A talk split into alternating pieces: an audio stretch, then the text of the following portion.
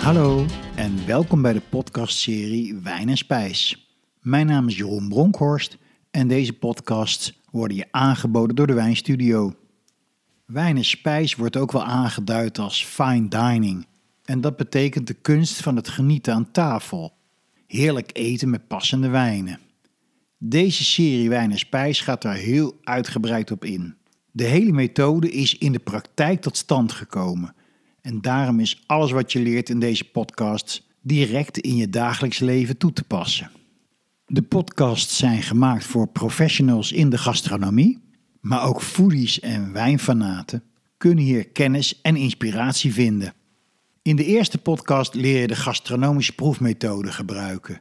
Hoe maak je een goede match? Een passende wijn bij het eten of een passend gerecht bij de wijn. Het principe is eenvoudig, maar dan komt de uitwerking. Hoe analyseer je de gerechten en de wijnen?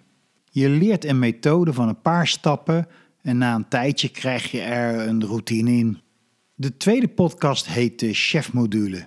Hier gaan we de keuken in en koken naar de wijn. Je hoort over kooktechnieken en hoe je die kunt inzetten om een gerecht passend bij de wijn te maken.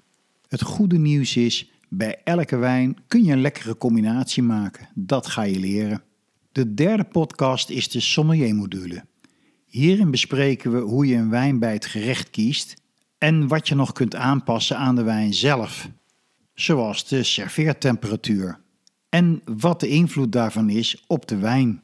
Dan bespreken we apparatief en dessertwijnen. En uiteraard mag kaas niet ontbreken, de meest klassieke wijn-spijscombinatie. Welke wijnen horen bij iedere kaas en wat zijn de principes waarmee kaas en wijn lekkerder worden?